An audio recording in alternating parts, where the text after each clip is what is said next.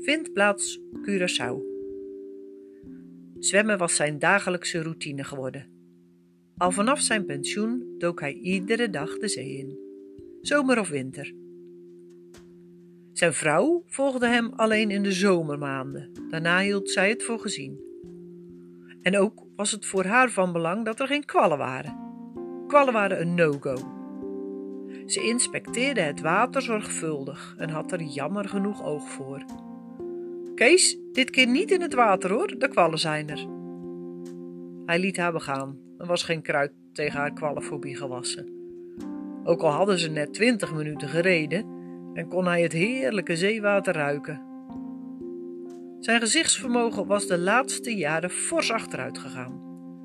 Hij had daar last van. Doktoren konden hem niet helpen en hij had met wat alternatieve behandelmethoden nog wat kunnen vertragen. Ondertussen had hij zijn andere zintuigen ontwikkeld en daar zo zijn voordeel bij gehad. Hij verzorgde zijn tuin vooral op de tast.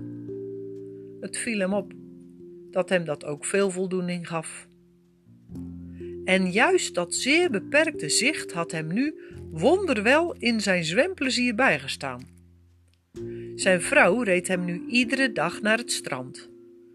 Grote afstanden reed ze niet meer, maar de bekende weg, daar zag ze niet tegenop. Ze inspecteerde de zee. Vandaag kun je er niet in, Kees. Het wemelt van die rotbeesten.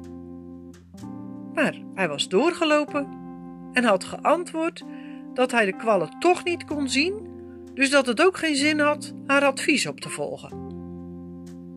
Zijn vrouw was met stomheid geslagen en had hem laten gaan. Ze had zich afgevraagd wat zijn gezichtsvermogen nu te maken had met het al of niet zien van kwallen. En dat weer met het zwemmen in een kwallenzee. Ze kwam er niet uit. In de auto terug had ze hem nog wel willen vragen hoe het zat met het gezichtsvermogen van de kwallen. Was ze nu jarenlang naast zijn chauffeur voor niets zijn kompas geweest?